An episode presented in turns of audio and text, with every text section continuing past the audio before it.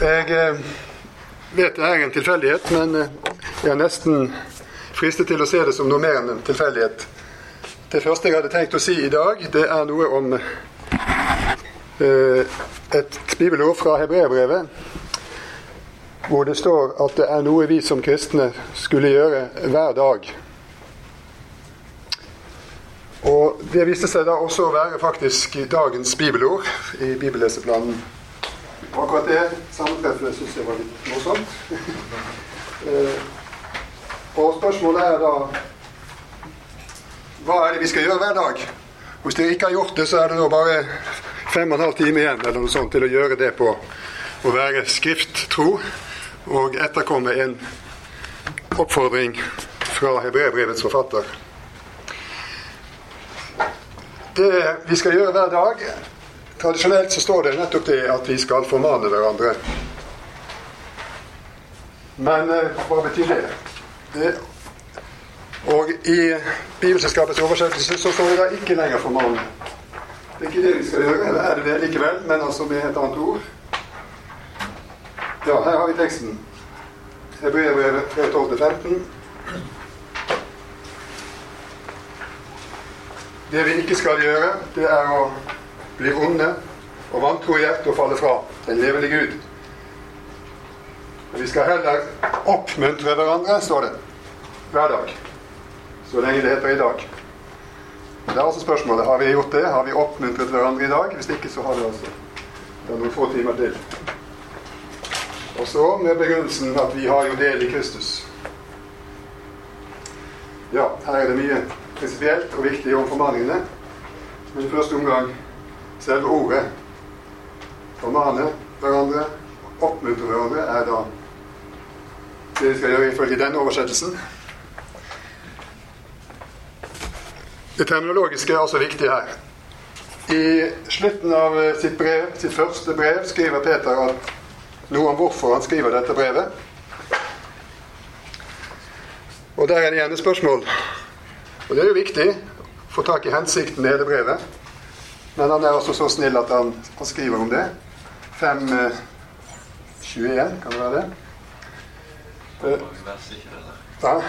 Nei, nei, det er litt før der. Du finner det igjen nøyaktig. Men iallfall så står det der, også der tradisjonelt han har skrevet dette brevet for å formane og vitne. Og hva er det da Peter gjør i dette brevet, hvis det er et formaningsbrev, hvis vi skal kalle det det. Det står ikke 'formane' der heller i Bibel 2011. Det er også valgt ordet 'oppmuntre'. At dette brevet er skrevet for å oppmuntre de kristne.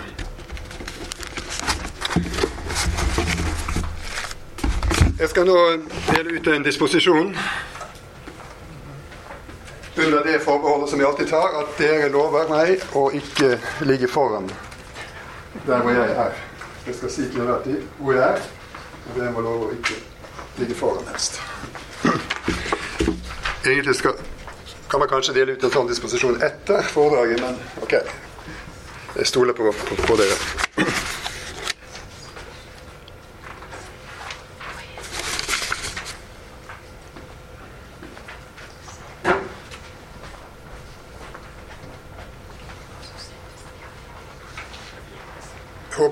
Håper det var så mange. Gledelig mange.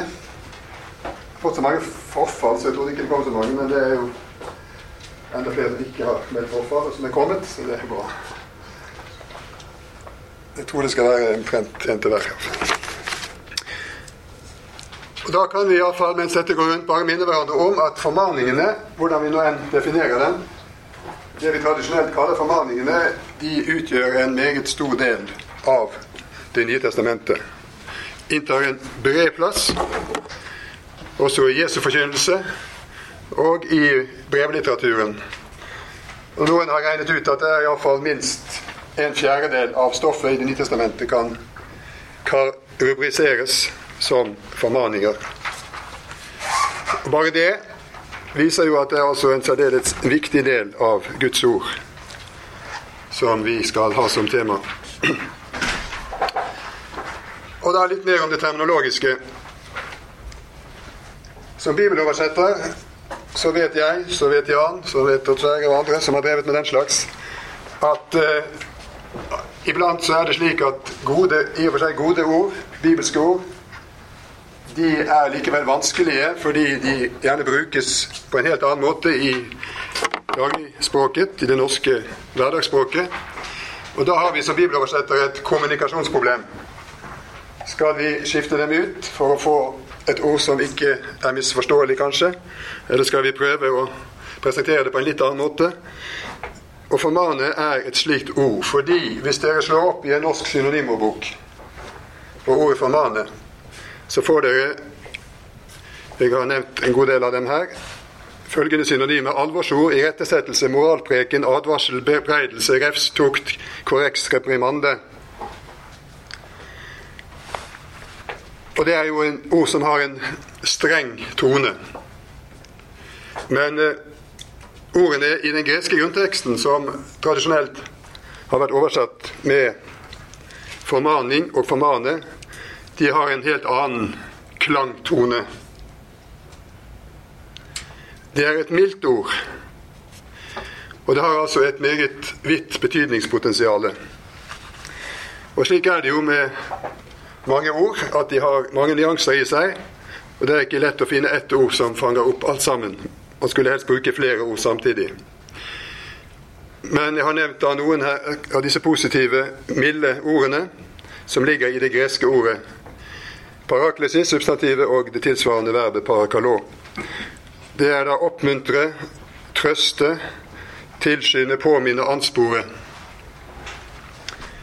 Og eh, det kunne være greit også at dere vet at i Galaterbrevet, og dere kjenner det, hva det handler om, hvor det er virkelig mye som Paulus måtte refse, der finnes ikke dette ordet i det hele tatt. Og det er neppe tilfeldig. Rent etymologisk så betyr dette ordet ja, skal vi se, De siste ankomne er, er dette arket gått rundt. Er det noe flere igjen av det? Hvis ikke må dere se to og to, kanskje. Så alle får iallfall anledning til å Ja, jeg har to til her, faktisk.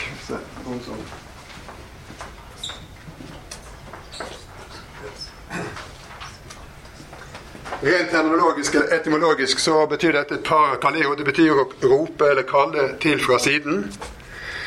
Og eh, jeg ser for meg et bilde der om eh, noen som er ute og løper på en bane. Og så er det noen da som kommer med oppmuntrende tilrop til disse som kanskje blir trette etter hvert, hvor kreftene svinner og hvor det blir problemer med å komme i mål, så får de høre like oppildnende tilrop fra siden i det løp som ligger foran, for å sitere Hebreabrevet 12.1, som gir dem nye krefter og ny motivasjon og nytt mot. Og eh, når det da heter at vi skal oppmuntre og oppbygge hverandre, så er vi altså slike som da hjelper hverandre når vi går trette, motløse, ved å komme med trøstefull oppmuntring. Vi er hverandres tolvte mann. Det sier kanskje de fleste av dere ingenting, men eh, jeg har jo et blad som jeg abonnerer på da, som heter Den tolvte mann. Og det er fra fotballspråket. Det er de som er på tribunen og hjelper disse spillerne som kanskje har problemer. og som begynner å miste motet ute på banen, så kommer de med oppildnende tilrop. Som regel, da. Det blir av og til pipekonsert, men det kan iallfall være slik at uh, det er noe som gir trette ny kraft. Og eh, på denne måten så er formaningene Guds heiarop. Hadde jeg vært på en krikkleir, så hadde jeg kalt det for peptalk. Men jeg skal ikke gjøre det i kveld. Men det er noe der. Altså noe som oppildner, og som setter mot i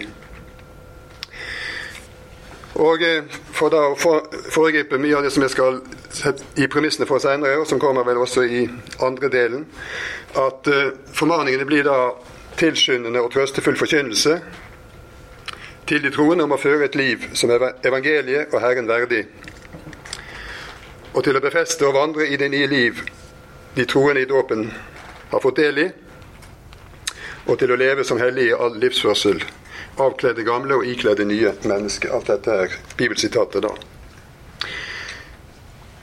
Hvis vi ser på norske bibeloversettelser, hva de har gjort med dette ordet De som vi nå har på markedet, de tre norske nåværende bibeloversettelse,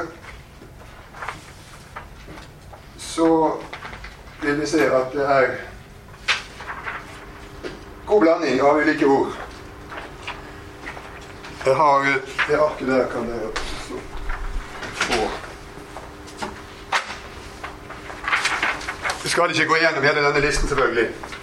Men eh, jeg vil se, hvis jeg har telt opp her, at norsk bibel er nok de som formaner mest fremdeles. Eh, men ikke bare. Det er altså andre ord også. Ikke minst da trøsteordene og oppmuntre. Eh, Bibel 2011 er nok de som har flest ulike ord for dette ene greske ordet. Med trøst, styrke, oppbygge, oppbyggelse, oppmuntring. Sette mot i. Særlig på nynorsk så er det mye å leie på hjertet. Det forekommer veldig ofte. Det er jo et varmt og inderlig ord. Legge det på hjertet. Svare vennlig.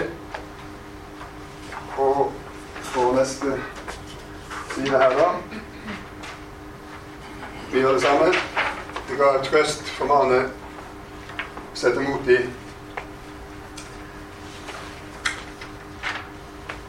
Og Det er da også interessant å se hvilke ord er det som nevnes sammen med, med formane. Vi får klang og farge av ordene som de står sammen med. De får den rette tonen. Og Da ser vi at det er positive ord hele tiden. Oppbyggelse og trøst. Styrke. Det er bønn. Det er opp, oppbyggelse det er trøst, det er undervisning, skriftlesning, positive ord. Og kommer formaningen også inn der. Et eh, eksempel her på hvor viktig det er vi, hvilket ord vi bruker. Det er det ordet om eh, Barnabas. Han er nevnt her i 1531. Og han har jo et fantastisk tilnavn, kallenavn. Nemlig at han er formaningens sønn, står det i norsk bibel.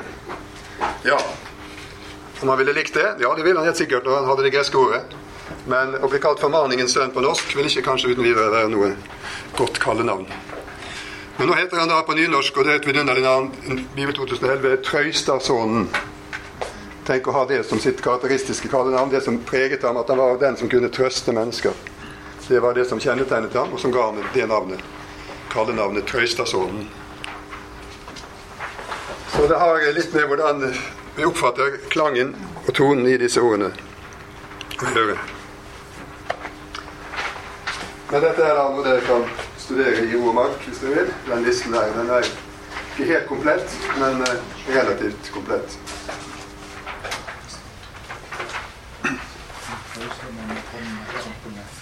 Så kommer et avsnitt da om formaningenes evangeliske klang. Og da er det noen småord som er uskyldige, men som er særdeles viktige. Ofte er faktisk småordene de viktigste i språket vårt. Men eh, av og til så synes de så små at oversetterne sløyfer dem. Det kan da bli relativt katastrofalt i denne sammenheng. Hvis disse ordene som står her da altså, derfor, da, så osv. Som markerer altså noe konsekutivt.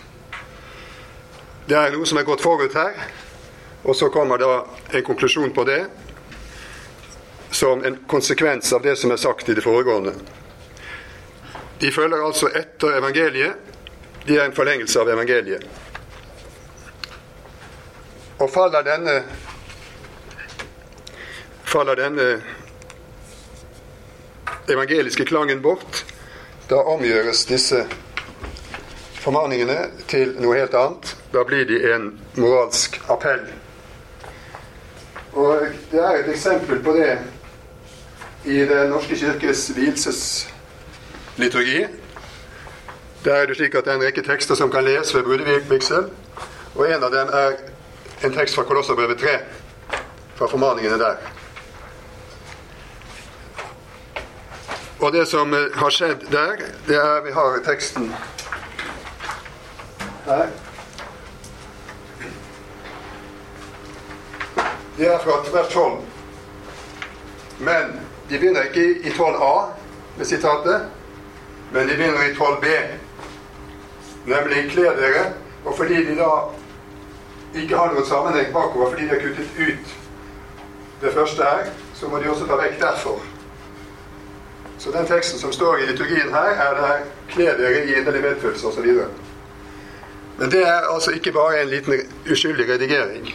Det er å gjøre disse formaningene om til noe helt annet enn det de er. Fordi det evangeliske derfor er kuttet ut. Her kommer jo det evangeliske. Det er Guds utvalgte og helliget og elskede ham. Det er jo evangeliet i ren form. Å ta vekk det, det er å ta bunnen helt ut av formaningene og gjøre dem altså om til, til eh, moralske appeller. Det er eh, Jeg vet ikke om de er klar over hva de har gjort, men noen burde kanskje si det til dem. Appeller er nemlig noe helt annet enn formaninger. Appeller det er råd eller innstendig oppfordring om å ta seg sammen, om å ta deg sammen.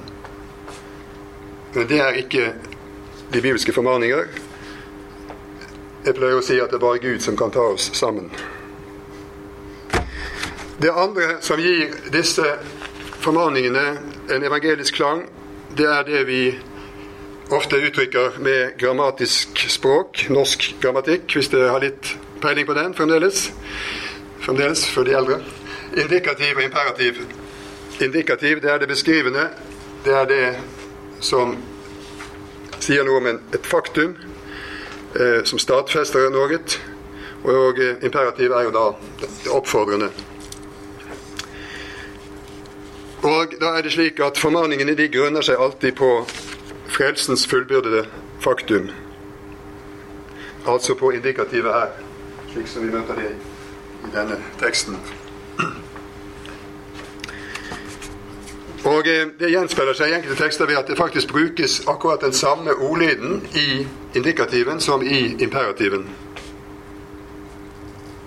Har vi fått livet ved Ånden? Og det er ikke noe hypotetisk om vi har fått kanskje vi har fått det. Nei. Det er måten Paulus formulerer seg på slik, så betyr det alltid 'vi har fått livet ved ånden'. Det er indikativen. Og så sier han da 'la oss da også leve ved ånden'. Galaterne 5.25. Dere ser stedene her. Efeserne 5.8. Men nå er dere, det er konstaterende indikativ, er dere i Herren lys. Imperativen lev da som lysets barn. Rense ut den gamle surdeigen. Her kommer oppfordringen først. Men indikativet er dere er jo som usyret brød. Eller i Jesu ord til disiplene om at de skal elske hverandre. Det skal de gjøre som jeg har elsket dere. Det er hele begrunnelsen og forutsetningen for at disiplene skal kunne elske hverandre. Eller når Paulus formaner de kristne i Roma om å ta imot hverandre eller ta seg av hverandre, så er henvisningen da til indikativet 'Kristus har tatt imot dere, har tatt seg av dere'. Og Slik er det masse eksempler som uh, kunne gå inn på her. Og det er viktig da å se at også lange dogmatiske utredninger de munner iblant ut faktisk i en formaning et godt eksempel på det det står vel her, det er 1. Korinterbrev 1558. Dette lange kapittelet, 1. Korinterbrev, som eh, inneholder så mye om Jesu oppstandelse, om vår oppstandelse. Lange drøftelser av det. Det munner ut i en helt praktisk, kort formaning i vers 58, som begynner med nettopp 'derfor'. Ja, derfor. Hvorfor? Derfor, mine kjære, søsken, stå fast og urokkelig. Arbeid raust og rikelig for Herren. Ja, derfor. Det kommer et derfor. Og hvor, hvorfor? Ja, det er det som er sagt i det foregående. Og i det foregående, det gjelder nok hele kapitlet her. Både det som er sagt om Kristi oppstandelse, og om de kristnes oppstandelse. Og alt dette munner ut faktisk i en praktisk kort, kort formaning. Og det kjente Filippabrevshymnen i Filippane 2. Bakgrunnen for at den hele tatt er kommet med i Bibelen som er et av våre aller flotteste Kristus bekjennelsesstykker, eller lov, lovprisningsstykker, det er jo at det, er en, den skal, skal begrunne en formaning. Og vi får jo være glad at det var i Filippabrevsmenigheten så var det da slik at de trengte nok å høre denne formaningen her i begynnelsen av kapittel 2 om at de skulle gjøre Paulus din glede fullkommen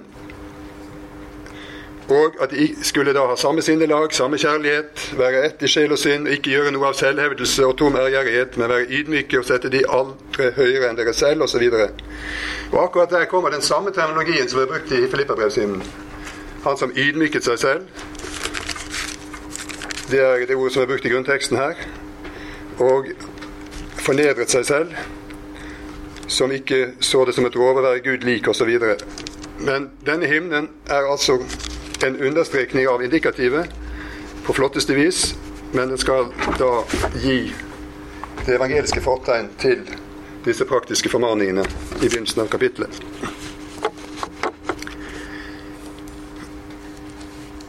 En eh, variasjon av dette med å bli hva du er Det settes ofte på denne formelen, dette. Imperativ, indikativ. Man skal leve ut. Vi skal leve ut det vi er i Kristus ved Ånden. Det vi er og det vi har i Kristus. En annen variasjon av det er vær hva du skal bli. For det er en rekke formaninger som har en sterk begrunnelse i det eschatologiske. Det vi venter på, det vi håper på som kristne, det skal få forme vår livsførsel allerede her og nå. Og Jeg har nevnt noen klassiske steder for det.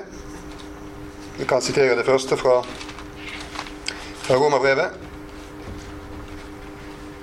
La oss leve sømmelig som på lysedagen. Men før det så står det Herren er, natten er snart slutt, og dagen er nær. La oss derfor legge bort mørkets gjerninger og kle oss i lysets rustning. Lysets rustning fordi dagen er nær.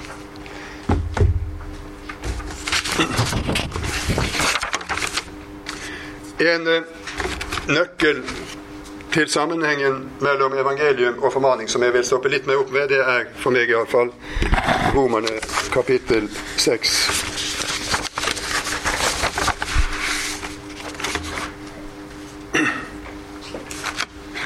Der begynner jo Paulus å eh, formulere en mulig konsekvens av budskapet om rettferdiggjørelse av nåde ved tro alene er en konsekvens som kanskje enkelte hadde brukt som argument mot apostelen. Hva skal vi da si? Skal vi fortsette å synde så nåden kan bli enda større? Han avviser dette spørsmålet på det sterkeste.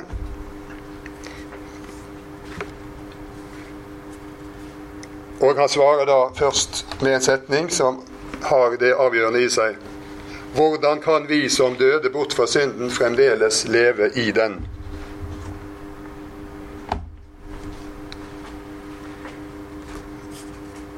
Det er evangeliet i en kort sum. Den første delen der, den setningen.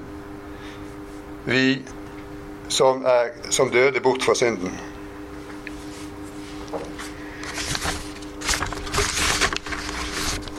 Og Her må jeg si litt om også da dåpen og formaningene. Dåpen og den kristne etikk. Den sakramentale død, døden i dåpen og oppstandelsen i dåpen den er en betingelse og en forutsetning for de troendes nye livsførsel. Som døpte er de satt inn i en helt ny livssituasjon som Kristus med sin død og sin oppstandelse er åpnet for. Og det er denne situasjonen som gjør det mulig da å vandre i livets nyhet, som det heter hvis vi skal oversette bokstavelig. Livets nyhet. Det er en flott nyhet. Når den kristne skal og kan få leve i livets nyhet, henger dette også sammen med en annen viktig forståelse av det som skjer i dåpen. Før dåpen var legemet under synden, i vers 6. Og synden er for Paulus ikke primært eller bare moralsk utilstrekkelighet eller tilkortkommenhet, men synden er en fordervsmakt som siden Adam utøver sitt dødende og destruktive herredømme i kamp mot Gud og hans herredømme.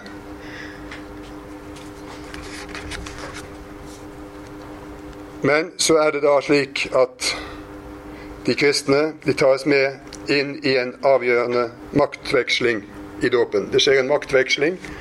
Syndelegemet må abdisere. Dåpen skjenker frihetens gave. Den døpte befries fra trelldommens makt ved at han i foreningen med Jesus dør bort fra den. Fra dåpen av så er Jesus Kristus den rettmessige Herre i den døptes liv. Syndemakten er detronisert, og den nye kristne vandel begynner derfor med at vi tar oss selv alvorlig. Tar oss selv alvorlig som de vi i virkelig er som døpte. Regn dere som døde for synden, lider oppfordringen i vers 11. Det står ikke 'som om vi var døde for synden'. Vi er døde for synden. Vi er levende for Gud fordi vi som døpte er blitt tatt inn i fellesskapet med Kristus og hans døde oppstandelse. Slik er de døptes liv uløselig forbundet med Kristus. De er sakramentalt delaktige i hans frelsesverk. Og da er det nye livet det er ikke et liksom-liv. Den døpte kan ikke uten å fornekte den Herre han fra dåpen av tilhører. Den døpte kan ikke leve som om ingenting var hendt. I dåpen er han vigslet til et liv i total Kristus hengivelse og livslang Kristus tjeneste. Og til et liv i radikal forsakelse av djevelen og alle hans gjerninger og alt hans vesen. Et nytt liv i frihet fra fordervsmaktene. Og det å leve et slikt Kristusvigslet liv, det er det formaningene med dåpen som utgangspunkt og tilknytningspunkt vil oppmuntre oss og hjelpe oss til. Formaningene er derfor formaninger til en vandring i dåpen. De oppfordrer, oppmuntrer og tilskynder de kristne, de døpte, til daglig å krype gjennom sin dåp, sitat Luther, under stadig henvisning til det de allerede har mottatt. Og det er altså ikke moralske appeller til den gode vilje, eller til å la våre iboende, eventuelt iboende slumrende gode krefter komme til etisk utfoldelse. Slik er det jo slett ikke, men det ligger ofte snublende nær å tenke slik at eh, dåpen er en Guds handling, mens formaningene taler om det vi skal gjøre. Det skal bli vår reaksjon på Guds aksjon eller en menneskelig fortsettelse eller komplettering av det Gud har begynt. Nei, det der blir fullstendig galt. Både åpningen av nådens port i dåpen og vandringen på dåpens vei til et liv i personsamfunnet med Kristus, til å være ikledd ham. Begge deler, det er Guds gjerning.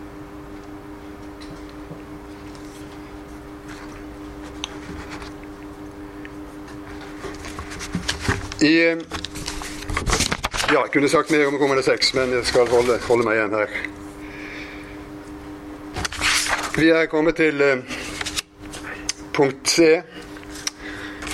om dette om den evangeliske karakteren. Den går også frem av noen helt spesielle formuleringer som Paulus bruker noen steder når han nærmest er formelaktig, en motiveringsformel, kaller vi det gjerne, og som vi møter bl.a. i, i Romerne 12,1. Han formaner ved noe. Og her er det da ved Guds barmhjertighet. Vi finner den også en tilsvarende formulering i 2. Korinterbrev 1. Der formaner han ved Kristi egen vennlighet og mildhet. Det er en fantastisk motivering. Og formaner ved Kristi mildhet og vennlighet. Eller han formaner i Herren Jesus, eller i Herren Jesu Kristi navn. Og det vil si at den egentlige subjekt for formaningene, det er Gud selv. Det er Jesus Kristus selv, som formaner da, i sin barmhjertighet formaner Gud gjennom apostelen. Apostelen formaner på Kristi vegne. 2. Korinterbrev 5, 20.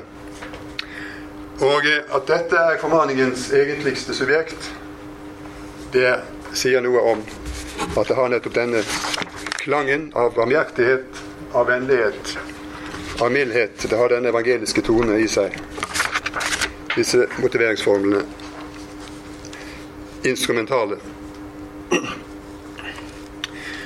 Og så noen ord om hvem formaningene er rettet til. Formaningens adressater. Det er det jo særdeles viktig å være klar over. Vi har allerede vært innom det i det vi har sagt om Romane 6, ikke minst. De er med dem som altså er forent med Kristus i dåpen og i troen og lever i livssamfunnet med ham. Det er de som er formaningens adressater.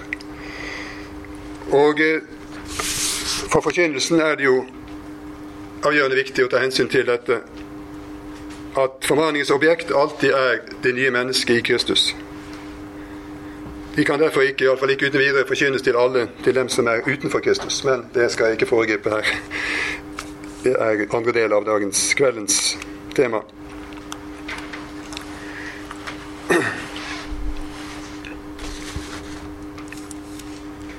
Men eh, det vil vel si at formaningene da ikke skal blande sammen med forkynnelsen av lovens første bruk. Den skal blande sammen med den andre, det kommer vi vel nok tilbake til. Men iallfall ikke av den første, som tar primært sikte på å få mennesker til å gjøre det gode, engasjere seg for rett og rettferdighet, arbeide for fred osv. Uansett motivasjon for det. Men i de nytestamentlige formaninger er det en grunnleggende forutsetning at de er rettet til de troende og har en evangelisk begrunnelse. Og så må vi også være klar over at formaningene stort sett ikke er individuelle. De er eklesiale, dvs. Si de går, til en menighet. Det er i annen person flertall. De er til dere, eller til deres søsken, brødre og søstre. De har altså ikke et individualistisk preg. Iallfall ikke i den forstand at det skulle bare være en privatsak mellom Gud og den enkelte. Nei, når en kristen lar seg mer og mer prege av det nye liv, slik formaningen oppfordrer til det, da er det hele menigheten som bygges opp. Og Derfor angår formaningene menigheten som helhet. Og slik også omvendt, hvis en troende ikke i etisk praksis vandrer som det lysets barn han er i Herren, men gjør mørkets gjerninger, da er ikke det bare en privat synd, men en handling som er med å bygge menigheten som helhet. Litt surdeig syrer hele deigen. 1. Korinterbrev 5, 8. Og vi faktisk må si det så sterkt, og det kommer frem her. og Det undrer meg at jeg nesten aldri har lest i noen kommentar en forklaring på hvorfor er det Paulus etter denne programmatiske overskriften til alle formaningene i både 12 og 13, og så understrekning av at han formaner som, som uh, ved Guds nåde, apostelens nåde, at han så begynner å skrive om menigheten som legeme. Kristuslegemet som kropp. Hva gjør det? Før han da kommer med de helt konkrete formaningene fra vers 9 av. Hvilken funksjon har dette avsnittet her? Og Det er, tror jeg, nettopp fordi at det, det som der sies om menigheten som én kropp At vi alle er én kropp i Kristus, det er ikke bare et bilde. Vi er dette faktisk. Det er mer enn et bilde. Det er en avgjørende betingelse, forutsetning, for å kunne leve ut og leve, etterleve formaningene. Hvis man ikke er i det kristne fellesskapet der, og lever som et lem på det ene kristi legeme, hvis man stiller seg utenfor dette legemet, legemets Kristusfellesskap, da har man slått vrak på en av de viktigste forutsetninger og muligheter som Gud selv har gitt som hjelp til å etterleve Hans vilje. Det er tror jeg noe av grunnen til at vi får dette, disse versene nettopp her. Formaningene da er altså også ikke individuelle i den forstand at det er svært mange formaninger som rettes til de kristne resiprokt. Husker det ved resiproke pronomen? Jeg tror det fins bare ett, eller er det flere? Det var ikke mange. Og det er hverandre. Og det er Jeg kunne hatt en hel forelesning om hverandre-formaningene. Det er minst 50 stykker av dem. Her er noen. Dere skal få denne listen. Den har en bakside også. Men altså, det er alt mulig vi skal gjøre mot hverandre. Alt dette er formaninger som de kristne skal gjøre seg imellom resiprokt, gjensidig. Og det er litt av en liste. Og det er fantastisk flotte ting.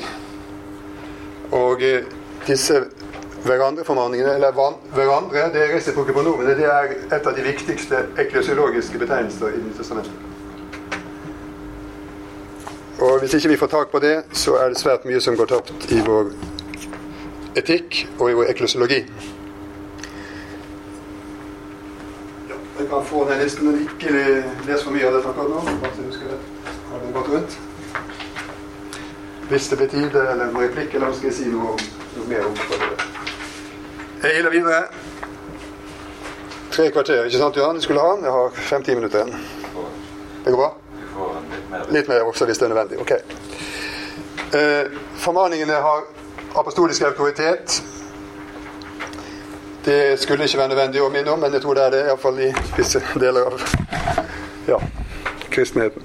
Um, og Paulus da i dette kjente formaningskapitlet, kapittel 12, så viser han altså til at han er formaner ved Guds nåde. At han er formaner som apostel og eh, det er altså ikke som privatmann, og det er heller ikke slik at han kommer med mer eller mindre gode råd, men vi de har en absolutt karakter. Bare la det har nevnt, kunne vi snakket mye om også. Så har jeg kalt formaningene et antistagnasjonsmiddel. Det høres kanskje litt merkelig ut. Men det er fordi ordet stagnum, som stagnasjon kommer fra, det betyr en innsjø uten tilløp på latin. En innsjø uten tilløp det er en sjø som begynner å lukte ganske fort. Illeluktende. Får ikke frisk tilførsel. Og eh, i den forstand så skal formaningene fungere som antistagnasjonsmidler for den kristne.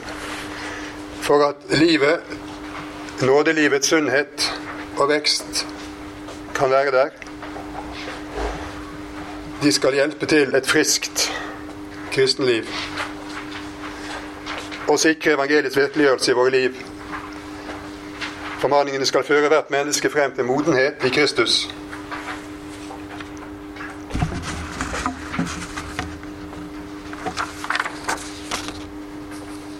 Der har de også mye mer, men jeg lar bare det stå med de få ordene der. Så skal jeg nok bruke litt mer tid på det neste. Hvorfor formanes det da så mye som det gjør i Det nye testamentet. Hva er grunnen til det? Er det fordi de første kristne kanskje var spesielt umodne i sin etiske tenkning, i sin etiske holdning, i sin etiske handling, slik at de skulle ha et spesielt behov for å bli formant og rettledet? er det slik at Paulus forventet av sine menigheter at de så å si automatisk og spontant i ett og alt gjorde Guds vilje, slik at det egentlig, prinsipielt sett, ikke skulle være nødvendig med noen formaninger i det hele tatt. Men at Paulus da til sin store skuffelse måtte konstatere at det sto ganske dårlig til rundt om i menighetene. Og derfor er nødt til å formane dem, eventuelt mot sin vilje. Det skulle være unødvendig. Ja, det har vært en del slike forklaringer i, i utleggelseshistorien. Som da bygger på antakelsen mellom avstand mellom ideal og virkelighet. At det skal forklare den hyppige bruk av formaninger i Nytestamentet. Det er feil, mener jeg. Og For å få et riktig svar på spørsmålet hvorfor det formanes så ofte, så må vi anlegge et helt annet perspektiv og spørre hvorledes de troendes situasjon i denne verden er forstått i Det nye testamentet. Hva er det som kjennetegner de kristnes eksistensvilkår? Og da ser vi at denne eksistens er kjennetegnet av en en spenningsfylt dobbelthet. På den ene side skal, som jeg allerede har nevnt med Romerne 6 og 11, så skal den kristne regne seg som død for synden. Som kristne er vi i dåpen og troen tatt inn i fellesskapet med vår døde og oppstandende frelser Jesus Kristus, og inn i det Han har gjort for oss. Og i dette livssamfunnet med Kristus er vi døde fra synden. En kristen er et nytt menneske som i Kristus har del i hans seier over fordervsmaktene, synd, død og djevel og alt ondt. Og selv om dette nye livet er skjult for oss, som Paulus skriver i Kolosserbrevet 3.3, det er skjult for oss mens vi ennå lever i denne verden. Dette livet befinner seg hos Gud. Det er skjult med Kristus i Gud, sier Paulus. Så vet vi, Romerne 6.2, vi vet at det er en objektiv virkelighet. Det er sannheten om oss. Og om noen skulle si noe annet, så tror vi ikke på det. Men det er også på, side, på en annen side. Og det er at fordervsmaktene ikke er avviklet. Og Paulus sier som kjent ikke at synden er død, men at vi er døde i forhold til synden. Han sier ikke at kjøttet, eller kjødet som noen vil si, eller menneskets syndige natur er tilintetgjort, men at vi ikke lenger skal måtte leve i kjøttet eller etter kjøttet. Det vil si slik under syndens makt, slik kjøttet vil. Erling Utnem, som mange vil vite og skjønne for det jeg har sagt her, kan, er mye av en lærfar for meg i dette. Han har kommentert dette slik Den troen er ikke lenger i kjødet, men kjødet er i ham. Og Paulus sier ikke at de gudfiendtlige makter, maktene og åndskreftene er satt helt ut av spill, men at de er avvæpnet. Kristus har seiret over dem og kledd dem nakne. Og kristne lever altså i en spenningssituasjon. De erfarer at fordervsmaktene er stadig virksomme. De, de utsettes så lenge de lever i sin dødelige kropp for syndens listige angrep. For synden forsøker på alle måter å gjenopprette det herredømmet som gikk tapt da Gud fridde de troende ut av mørkets makt og satte dem over i Sønnens rike. Det gamle mennesket forsøker uavbrutt å hindre det nye mennesket i å leve det nye livet til Guds vilje og å blokkere veien for Den hellige ånds gjerning. Derfor består for de kristne alltid den fare at de som begynte ved Ånden, kan fullføre med kjøttet. Galaterne 3.3. Selv om de ikke lenger har et syndelegeme, en kropp som er underlagt synden, Romane 6.6, så vil de alltid i denne verden ha en dødelig kropp, som anfektes og fristes til å leve på tvers av, av Guds vilje.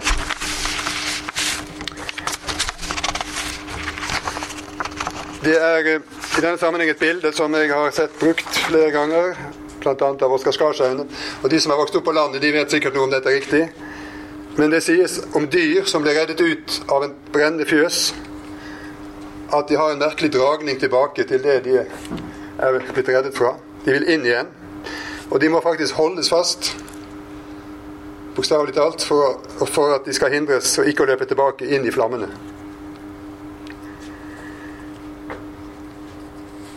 Og det med formaningen. Den holder oss tilbake. Ikke gå inn i det trelldommens hus igjen som du er løst fra. Gud ga oss ikke trelldoms ånd så vi atter skulle frykte, men han ga oss barnekårets ånd, som roper 'Abba, far'. Og hvor Herrens ånd er, der er frihet. Dette bildet syns jeg illustrerer veldig godt dette med husdyrene som søker tilbake til det brennende fjøset. Det illustrerer nettopp dette at vi lever på en måte et dobbeltliv. Vi er dobbeltgjengere, men eh, det er fordi vi er har en syndig vilje, Gammel vane, vond å vende, heter det. Syndig vilje, vond å vende, kanskje. Ja, egentlig så kan vi ikke vende vår, vår syndige vilje i det hele tatt. Den er en del av det gamle mennesket som ble lagt i grav sammen med Jesus, og som daglig skal dødes i våre liv. Men det avdør ikke frivillig, og dør ikke definitivt før i vår legemlige død. Så lenge vi er i dette dødelige legeme, bærer vi det gamle mennesket med oss, og gjennom det forsøker synden stadig på ny å tilrive seg herredømme over oss. Og det er altså da den dypeste og egentligste begrunnelse for hvorfor det formanes så ofte. Formaningene blir på denne måten kampparoler. Kampparoler. De vil oppmuntre og dyktiggjøre oss til, til å være alltid beredt, stridsdyktig og godt rustet i kampen mot djevelens listige knep, Efesene 6.11. Og kampen er ikke håpløs. Det er ingen grunn til resignasjon og mismot. For Kristus har ved sin døde oppstandelse allerede beseiret de gudfiendtlige makter. Og Denne seier har vi som kristne, som døpt og som levende i troen på Jesus Kristus, den har vi del i. Han som er i de troende, er større enn han som er i verden. 1. Johannes 4, 4.